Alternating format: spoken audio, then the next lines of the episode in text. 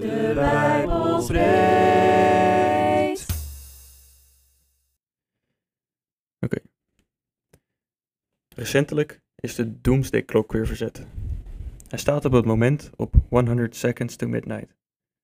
De Doomsday Clock is niet echt een klok met een mechaniek, maar hij wordt door een panel van wetenschappers en experts op een specifieke tijd gezet. Die tijd symboliseert hoe ver we verwijderd zijn van midnight, de vernietiging van de wereld.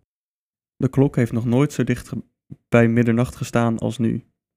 De klok is ontworpen om mensen bewust te maken dat de mens in grote mate verantwoordelijk is voor de vernietiging van de aarde. Er wordt altijd een verantwoording gegeven voor het verzetten van de klok. Op nummer 1 staat het terugtrekken van verschillende landen uit deals die nucleaire wapens moeten beperken. Op 2 staat het uitblijven van voldoende reactie op klimaatverandering. De VS, die zich terug heeft getrokken uit het Parijsakkoord, Brazilië die de Amazone afvikt en de grote bosbranden in Australië. Al met al is klimaatverandering een van de, misschien wel het grootste probleem van deze tijd.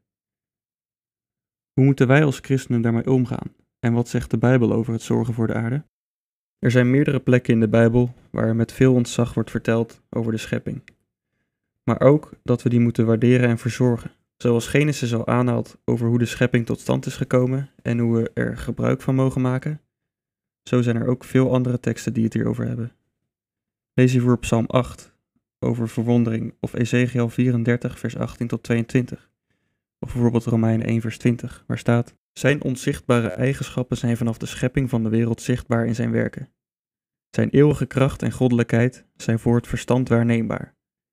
Er is niets waardoor zij te verontschuldigen zijn. Rentmeesterschap, wat is dat? Het is de vertaling van het Griekse woord oikonomos. Oikos betekent huis en oikonomia wil zeggen huishoudkunde. Verwant woord is oikologia, letterlijk de verhandeling of bespreking van het huis. Dat woord kennen we als ecologie, de leer van de betrekking tussen dieren en planten, zowel onderling als met hun omgeving. Rentmeester hangt samen met het woord econoom, ook wel goed huishouden. Een goede vergelijking over rentmeesterschap die Jezus vertelt, valt te vinden in Matthäus. Ik lees uit Matthäus 25 vanaf vers 14. Want het is als iemand die naar het buitenland ging, zijn eigen dienaren bij zich riep en hun zijn bezittingen toevertrouwde.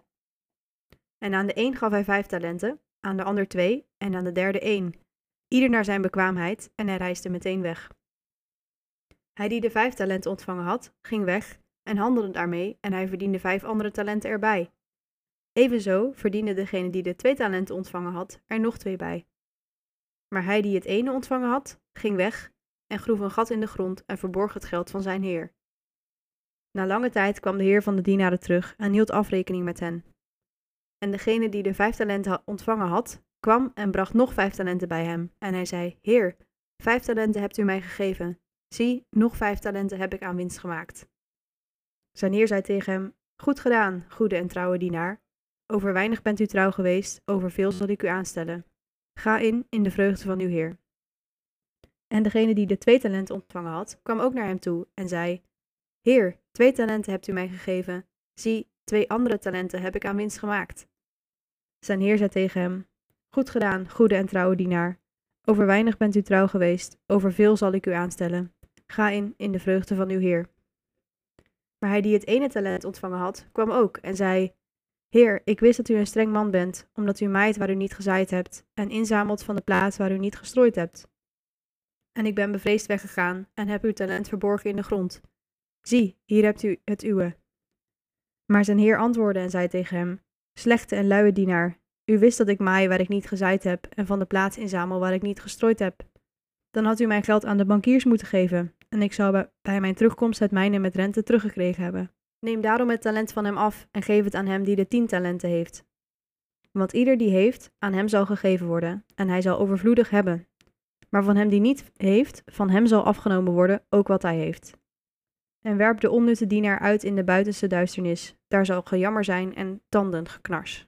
De moraal van het verhaal is dat wie verstandig omgaat met zijn vermogens, gaven en talenten beloond zal worden. Maar wie daar roekeloos mee omgaat, zal worden gestraft.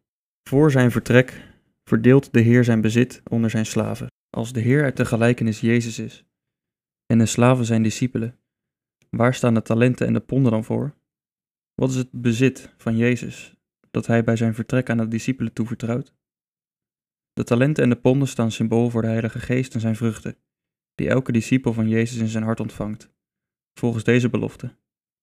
Een nieuw hart zal ik u geven en een nieuwe geest in uw binnenste. Het hart van steen zal ik uit uw lichaam verwijderen en ik zal u een hart van vlees geven. Mijn geest zal ik in uw binnenste geven en maken, dat gij naar mijn inzettingen wandelt en naarstig mijn verordeningen onderhoudt. Hieruit kunnen we concluderen dat wij vandaag de dag ook met datgene dat wij ontvangen hebben van God aan de slag mogen gaan, om zo Gods wil te doen. We bewaren de talenten, maar een goede rentmeester levert zijn lening terug met rente. Zo krijgen we ook de volgende boodschap van God mee in Micha, waar hij vertelt dat we het goede ook wel zijn wil moeten doen. Er is jouw mens gezegd wat goed is. Je weet wat de Heer van je wil. Niets anders dan recht te doen, trouw te betrachten en nederig te weg te gaan van God. Paar vragen om over na te denken deze week. Waar zie je voorbeelden van renmeesterschap in onze wereld? Waar en hoe zie je renmeesterschap in de kerk? En waarin kan je persoonlijk renmeester zijn? Vader in de hemel, wilt u zijn bij de aarde en bij de regeringen die er zoveel macht over hebben? Wilt u ook met uw geest bij me zijn om te laten zien hoe ik mijn talenten kan inzetten? Deze podcast werd mede mogelijk gemaakt door